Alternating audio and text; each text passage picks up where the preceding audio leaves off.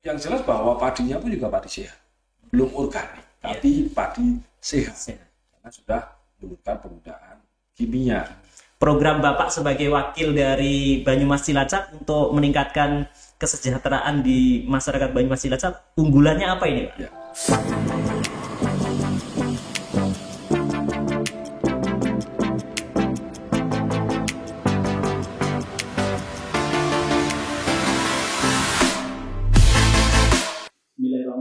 Assalamualaikum warahmatullahi wabarakatuh. Waalaikumsalam. Sedulur KPU Banyumas, ketemu lagi dengan KPU Banyumas. Hari ini kita ketemu dalam program Modemas, Ngobrol Demokrasi KPU Banyumas. Hari ini adalah seri Wakil Rakyat Menyapa. Nah, jadi ini merupakan seri yang sangat spesial karena KPU Banyumas mencoba untuk menghadirkan wakil-wakil rakyat dari Dapil Banyumas dan Cilacap. Dan hari ini telah hadir bersama dengan kita seorang wakil rakyat yang saya yakin eh, masyarakat Banyumas ini cukup mengenal beliau karena beliau ini pemegang eh, 71 ribu lebih suara masyarakat Banyumas Cilacap dalam pemilu 2019 kemarin.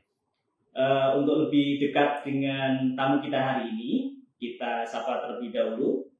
Eh, beliau adalah Bapak Haji Sunarna SE Embung. Nah, saya yakin sangat familiar eh, masyarakat Banyumas, seluruh KPU Banyumas dengan beliaunya. Eh, selamat datang Bapak Haji Sunarna. Selamat datang, Iya. matur nuwun. Nggih. Terima kasih Yes. kehadirannya Bapak di Banyumas. Nggih. Sehat ya Pak? Alhamdulillah, Alhamdulillah. sehat bisa bertemu tatap muka sedulur KPU Banyumas. Iya, terima kasih Bapak. Baik, eh, sedulur KPU Banyumas ini merupakan program yang sebenarnya sebagai host juga saya ini agak ngeri-ngeri sedap ini. Karena host eh, Modemas ini host yang sewaktu-waktu yang kali ini juga selain sebagai wakil rakyat sekaligus kita mewawancar- mewawancarai youtuber. Beliau Pak Sunarna ini juga punya akun YouTube. Kalau tidak salah, Kajisun Pak gitu. Iya, justru, iya. Kajisun itu eh, YouTube-nya beliau. Eh, Bapak Sunarna, mohon izin eh, hari ini kita akan berbincang Iya. eh, menyapa masyarakat Banyumas tentunya Iya. Eh, terkait dengan tugas-tugas Bapak sebagai wakil kami Iya. di masyarakat Banyumas dan Iya, Cilacap. siap. Iya. Kaitannya adalah terkait dengan tugas-tugas sebagai seorang legislator, Bapak. Oke. Jadi, seluruh kami Banyumas terlebih dahulu saya perkenalkan eh, secara singkat biografi beliau. Bapak Haji Sunarna ini lahir di Klaten, Jawa Tengah, tepatnya pada tanggal 24 September tahun 1973. Eh, riwayat pendidikan terakhir adalah di S2 Hukum Bisnis Universitas Gajah Mada. Ini lulus di tahun 2009. Eh, riwayat pekerjaan beliau adalah Bupati Klaten, dua periode berturut-turut, mulai dari tahun 2005 sampai 2010 dan 2010 sampai dengan 2015. Betul nggak Bapak? Iya. Ya. Dan pada pemilihan 2019 kemarin, Pak Haji Sunarna ini mencalonkan diri eh, memenuhi tugas untuk maju dari dapil Banyumas dan Cilacap. Dan atas hasil pemilu 2019 kemarin berhasil eh, menghantarkan Bapak Haji Sunarna ini menjadi wakil dari kita semua di masyarakat Banyumas dan Cilacap. Dan untuk mengetahui apa yang sudah dilakukan oleh beliau sebagai wakil kita, eh, mungkin kita akan berbincang sedikit. Ini Pak Ya. Haji, eh, kira-kira apa ini yang sudah dilakukan dalam tugas-tugas Bapak sebagai wakil dari Banyumas Cilacap ini? Karena sudah kira-kira sudah tiga tahun begitu Pak. Ya. Mungkin bisa disampaikan Bapak, Enggak, silahkan. Oke, bahwa yang jelas terima kasih. Assalamualaikum warahmatullahi wabarakatuh seluruh masyarakat Banyumas Cilacap dan seluruh KPU Banyumas. Nah, ruang lingkup dari tupoksi saya sebagai eh, anggota DPR RI yang kebetulan saya di Komisi 4. Komisi 4 gitu Pak. Oke. Komisi 4 itu meliputi koordinasi bersama dengan partner kita adalah Kementerian Pertanian, Kementerian Kelautan dan Perikanan, dan juga Kementerian Lingkungan Hidup dan Kehutanan. Nah, kegiatan kita ruang lingkupnya adalah tupoksi kita di situ. Jadi kita mendorong untuk pertama peningkatan eh, prioritas khususnya pertanian yang baik yang ada di dapur saya di Banyumas Cilacap maupun kebijakan makro di seluruh negara dan bangsa kita. Contoh bahwa petani pada kita, kita ini zamannya bergerak. Petani yang lama semakin menua. Gitu. Nah kita mendorong di Kementerian Pertanian untuk dilakukan eh, pelatihan percetakan untuk petani modern, petani milenial. Petani milenial. Iya, target satu juta petani milenial. Nah ini dalam rangka apa? Untuk berkesinambungan. Nah dengan kecepatan arus informasi, dengan kita peningkatan harapan peningkatan prioritas pangan, khususnya pertanian, apalagi lebih khusus lagi padi, itu perlu meningkatkan indeks tanam. Nah, indeks tanam dari padi itu sendiri perlu peralatan, karena penanamannya itu perlu lebih serempak, lebih cepat, Iya. tidak menunggu. Tenaga kerja untuk eh, bidang pertanian kan tentunya juga menunggu, tapi dengan peralatan yang lebih modern, baik peralatan prapanen ataupun pasca panen, nantinya akan membuat serempak, Oke. serempak panennya. Sehingga waktu yang dimanfaatkan untuk pengolahan tanah itu tidak membutuhkan waktu yang lama. Seperti pola-pola tradisional ya. Betul. Jadi nanti untuk meningkatkan indeks tanah, apabila biasanya nanam habis panen mungkin eh, traktor kecil, traktor biasa mungkin perlu waktu dua tiga hari atau seminggu, Betul. dia perlu hanya waktu mungkin perlu waktu kita butuh sehari atau dua hari. Oke. Karena dua hektar dengan traktor empat itu nggak sampai sehari saja sudah kelar. Oke. Nah ini dalam rangka juga meningkatkan untuk indeks tanam contoh-contoh itu ada prapanen ada traktor roda kecil ada roda dua roda roda empat dan dan ini untuk percepatan termasuk pasca panen ada transplant yang besar jadi Iya. manen mungkin dua hektar itu Cukup singkat. cukup singkat paling juga nggak sampai sehari tiga jam empat jam kelar nah ini ini adalah termasuk ruang lingkup kami terkait dengan lingkungan hidup mungkin kita juga bisa melihat bahwa semua kegiatan ini akan berimbas berefek terhadap lingkungan hidup. Kemajuan ini juga akan berimbas terhadap lingkungan hidup. Nah kita selalu menekankan terkait dengan lingkungan hidup.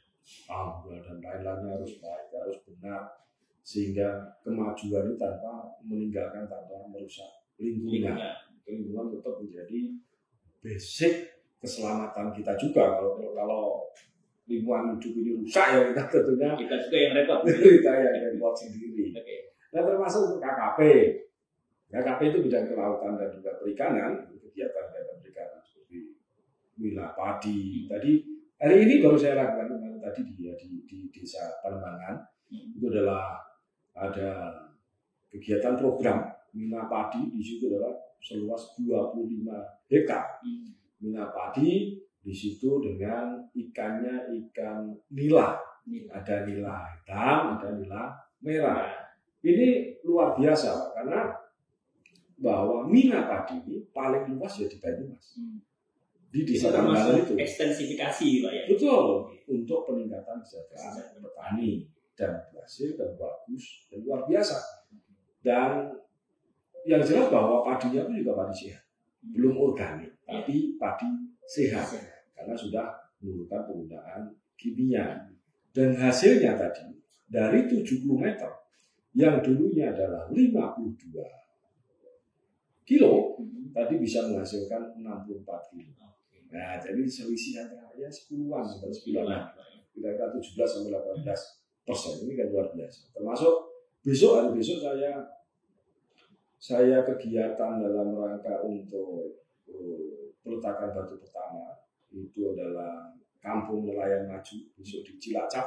Itu juga saya dalam rangka program dan kegiatan seperti di Komisi 4 seperti Oke. Program Bapak sebagai wakil dari Banyumas Cilacap untuk meningkatkan kesejahteraan di masyarakat Banyumas Cilacap, unggulannya apa ini Pak? termasuk bahwa yang jelas memang pertanian ini pupuk ya. Sekarang ini pupuk itu bukan berarti eh, pemerintah mempersulit tapi memang penurunan subsidi terkait pupuk jumlahnya. Sekarang posisi 9 juta. Jadi jadi semua akan dapat. Semua akan dapat tapi tidak seperti tahun-tahun sebelumnya. Sehingga masyarakat petani juga perlu berinovasi. Inovasi dalam hal apa? Dalam hal pupuk. Makanya ada untuk peningkatan itu ada program unggulan saya di sini yang kami sampaikan adalah ada pembarat pupuk pupuk ini ini diberikan bantuan bentuknya ada sapi ada kandangnya Hmm. dan nantinya pupuknya ini akan diolah untuk menjadi pupuk organik untuk pesawat. Ya, Ini juga dalam rangka untuk mempermudah mensubstitusi kekurangan jumlah pupuk kimia. Kimia, itu. Karena kimia terus, kimia terus juga nggak bagus. Karena kalau petani nggak sedikit dipaksa, juga kan tidak mau pakai organik, pengennya instan. Nah, pengennya instan. Gitu. Jadi karena juga subsidinya juga sangat besar di situ. Ya, subsidi yang diberikan kan juga sangat besar. 23 triliun itu jumlah yang luar biasa dan perlu untuk hal yang lain. Nah, contoh juga banyak. Karena di pertanian benih pun kita sangat memperbarui.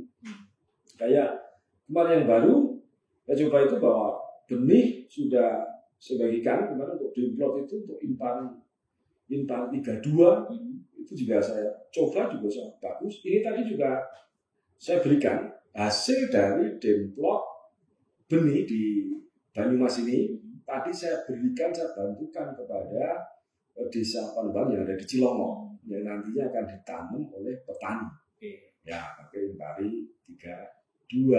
Nah, ini adalah contoh-contoh program nyata Hmm. yang ini untuk seluruh masyarakat. Hmm. Gitu. Kalau yang untuk masyarakat nelayan Bapak? Masyarakat nelayan tentu kalau sini kan masyarakat perikanan darat. Iya. Darat sini termasuk tadi dalam rangka pengelolaan untuk nilai kita minat tani. Terus juga saya berikan bantuan kayak saya akan memulai untuk gurame lagi yang di Karangawas. Oh, Dulu iya. banyak kena virus. Hmm. Ini sudah tak saya kemarin tahun lalu saya datangkan Grand Parent Stock. Grand Parent Stock itu langsung dari luar negeri. Karena GPS, Grand Parent Stock itu bisa menurunkan PS. PS ini yang nantinya ya kan menjadi bisa disebarkan ke mana-mana. Nah, harapan saya bahwa nantinya akan ditetapkan di Kabupaten Banyumas ini menjadi nanti area gurame. Sentra Gurame. Sentra gurame. Sebenarnya kalau untuk Banyumas dulu sudah pernah itu Pak, sudah Ya. pernah menjuarai jadi sentra Betul. Gurame gitu. Nah, tapi habis. Tapi habis Masalah. dan masalah justru malah Guramenya pindah ke kabupaten lain. Iya, makanya ini saya mulai lagi. Oke. Mulai tahun lalu, saya mulai lagi, kelompok itu ada dua kelompok yang memang saya support dari indukannya. Indukannya pun itu indukan belum tentu sudah tempat kucing. Karena indukan GPS masih dari impor atau yang masih bagus dalam indukan PS anak-anak yang nantinya akan di akan dibagikan ke Budidaya. mana dibudidayakan dengan baik. Nah itu insya Allah ini sudah dan nantinya akan divaksin. Hmm. Nah, bisu itu akan dicek selalu divaksin. Hmm. Nah, vaksin bukan hanya untuk kita. Ikan vaksin ya corona. Jadi ikan ini juga ada vaksinnya juga. Baik vaksin untuk ikan untuk gurame, untuk nila, untuk ikan yang lain. Dan kita sudah bisa. Sudah bisa produksi sendiri kan. Kebal dari masalah penyakit ikan. Itu Pak. virus. Nah, yang jelas bahwa di mana di kawasan itu karena virus ya Pak. Iya, iya, betul, betul. Iya. Eh, Pak Narna, Iya. Banyumas dan Cilacap ini kan juga selain pertanian Iya. ataupun nelayan, Iya. itu kan juga punya hutan. Iya.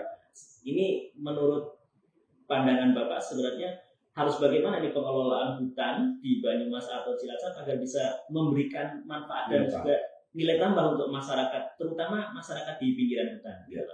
Karena selama ini kan eh, masih banyak gitu ya, masih banyak eh, ada semacam harapan lah dari Hmm. masyarakat di pinggiran hutan tentunya Ya. agar hutan itu betul-betul bisa memberikan nilai lebih untuk mereka.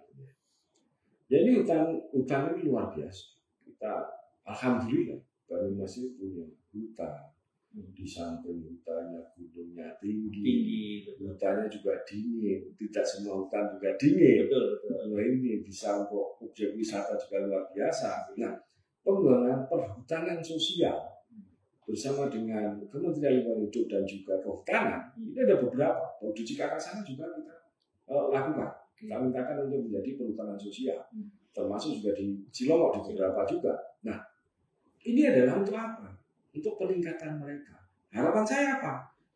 Bukan hanya untuk pertanian saja, Pak. Hmm. Pertanian itu adalah bagian bagian dari perhutanan sosial itu yang nanti akan menggerakkan sosial masyarakat di situ yang jelas bahwa sekarang ini kegiatan-kegiatan contoh Hmm. seperti yang ada di eh, Jatilawan Hmm. Nah, itu adalah kegiatan olahraganya ada di situ ada untuk wisata juga bisa di sana ada ada motocross Hmm.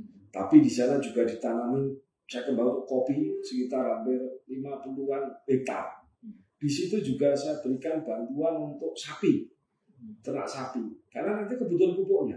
Iya. Jadi bersinergi, wisata iya, pertanian iya, pupuknya pun juga Terproduksi. terproduksi dengan baik dari sapi ini.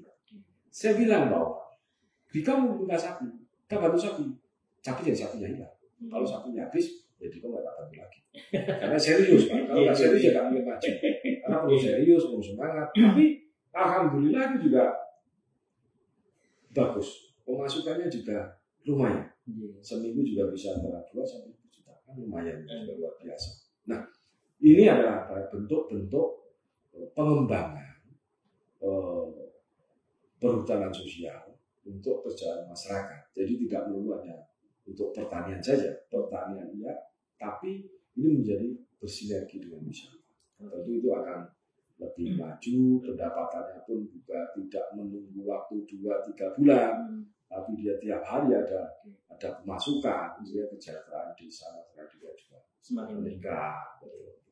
Terkait itu Pak di sektor pertanian ini kan sekarang ini kan antara pengurangan begitu ya. Iya. Saya, saya sebut pengurangan begitu lah. Pengurangan Artinya lahan pertanian kita itu kan dari yang produktif justru berubah menjadi eh, jenis lain gitu. Ya. Ada yang mungkin untuk rumah, ada yang mungkin untuk usaha, Ya. yang lahannya menjadi hilang, lahan pertanian Iya, menjadi iya, hilang, betul, ya. alih fungsi lah. Alih fungsi lah. Sementara pembukaan lahan baru ini kan sangat lambat sekali. Ini kira-kira solusinya bagaimana Pak terkait dengan masalah itu kan namanya pertanian kan tentu harus ada lahannya begitu kan bagi masyarakat kita itu. Betul. Gimana Pak kebijakan atau kira-kira ide inisiasinya yang paling tidak bukan hanya di Cilacap Banyumas saja tetapi juga saya yakin ini juga menjadi sebuah persoalan nasional. Betul. Oke. Ya contoh kayak yang kita bahas di Banyumas. Itu kan setiap tahun kalau lihat saya baca dari angka-angka ini kan antara 5 sampai 10 persen ada lahan itu. Nah, tentu itu mengganggu pertanian nggak? Mengganggu. Tapi apakah pertanian itu terganggu terus nantinya tidak berproduksi dengan baik? Hmm. Ya kita dengan menggunakan seperti saya sampaikan. Betul. Ya, Kita teknologi. sentuhan teknologi ya. Satu sentuhan teknologi, dua ilmu jelas, tiga adalah indeks tanam. Yang tadinya indeks tanam mungkin di sini antara saya itu antara 1,8 sampai 2. Kalau naik 2 persen, 0,02 saja sudah luar biasa. Kalau luasannya di sini sekitar hampir 60 sampai 90-an 5 ribu hektar, naik 0,02 saja luar biasa pertanian. Nah, ini indeks tanam penting, peralatan juga penting. Nah, untuk meningkatkan produktivitas pertanian. Terus apa lagi? Benih juga jelas. Jadi makanya dengan impari, impari 32 itu hasilnya bisa 8, bisa 9, bisa 10 ton per hektarnya. Nah, ini adalah bentuk dari inovasi. Karena memang kita tidak bisa menghindar. Alih fungsi lahan itu dengan perkembangan ke depan, itu memang benar-benar dilindungi. Kalau tidak, pangan dari mana? Karena siapa yang menguasai pangan negara ini bisa akan menjadi hebat. Iya. Kalau tidak kalau pangan kita tidak bermasalah, negara ini tidak akan pernah hebat. Krisis pangan. Krisis pangan sangat berat. Pertumbuhan populasi manusia tidak terkendali. Hmm. Gila, pertumbuhan tingkat kelahiran kita luar biasa sekarang. Nah, ini perlu menjadi tugas. Apakah kita juga dilakukan? Ya perlu. Sehingga nanti insentif itu perlu diberikan pada masyarakat. Baik Pak, terakhir Pak, terkait dengan menjaga agar lingkungan kita itu tetap lestari. Iya. Artinya sering kali kan namanya misalnya, mohon maaf, Hmm. kalau mencermati di beberapa daerah kan atas nama investasi, Iya. atas nama industrialisasi, akhirnya lingkungan hidup sering kali dikalahkan. Gitu. Saya, saya bilang begitulah Pak. Kira-kira ini Pak, untuk Banyumas Cilacap ini kan juga tidak menutup kemungkinan akan muncul eh, industrialisasi begitu kan ya, entah nanti masuk investasi apa, investasi apa. Agar lingkungan Banyumas dan Cilacap ini tetap lestari, bagaimana ini Pak? Lingkungan ini akan lestari adalah kita. Lestari atau tidak itu kan kembali ke diri kita. Terus siapa yang mengambil kebijakan? Adalah pemerintah. Pemerintah yang menetapkan rule.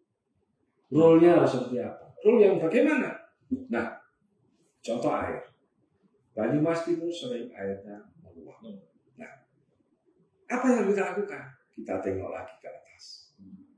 Mana daerah industri, industri kan sudah dipetakan sendiri, perpeta tata ruangnya sudah jelas. Terus dari mana itu air itu? Jangan dikira bahwa permasalahan itu hanya dari objek industri saja. Nah, kita tidak bisa menyalahkan. Iya. Tapi kita harus ingat bahwa kita adalah populasi manusia. Rumah-rumah, rumah-rumah. Kalau hujan, kita resapan setiap rumah.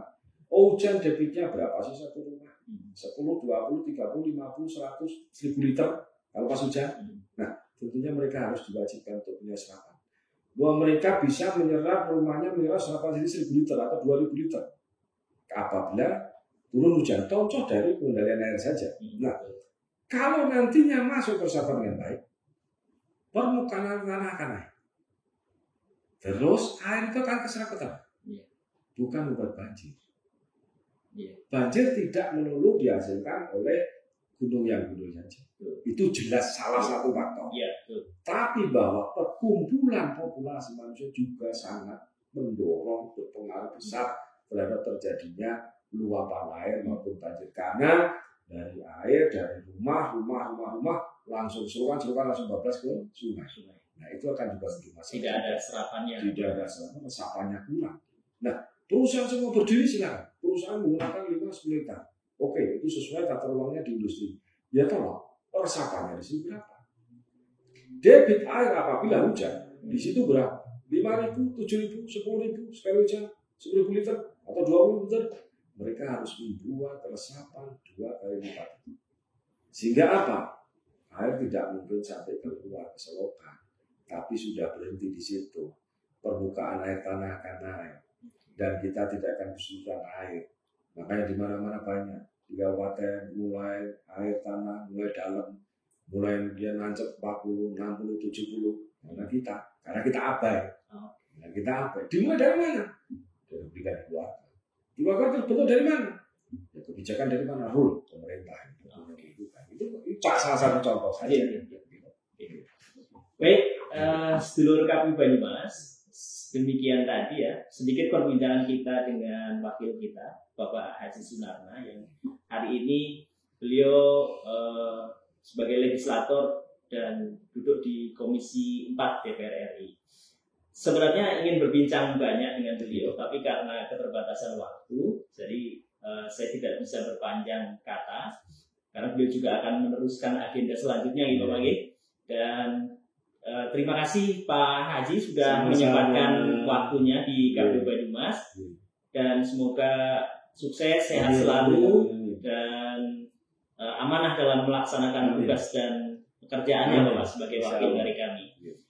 Eh, sedulur kami Banyumas demikian perbincangan kita hari ini Iya. bersama dengan Bapak Haji Sunarna, wakil dari Dapil Banyumas Cilacap dari Partai PDI Perjuangan. Terima kasih, mohon maaf atas segala kesalahan. Assalamualaikum warahmatullahi wabarakatuh. Waalaikumsalam warahmatullahi wabarakatuh. Sedulur KPU Banyumas, jangan lupa follow akun media sosial kami, KPU Banyumas, ada YouTube, Twitter, Instagram, Facebook, dan TikTok. Jangan lupa subscribe, like, comment, and share. Terima kasih.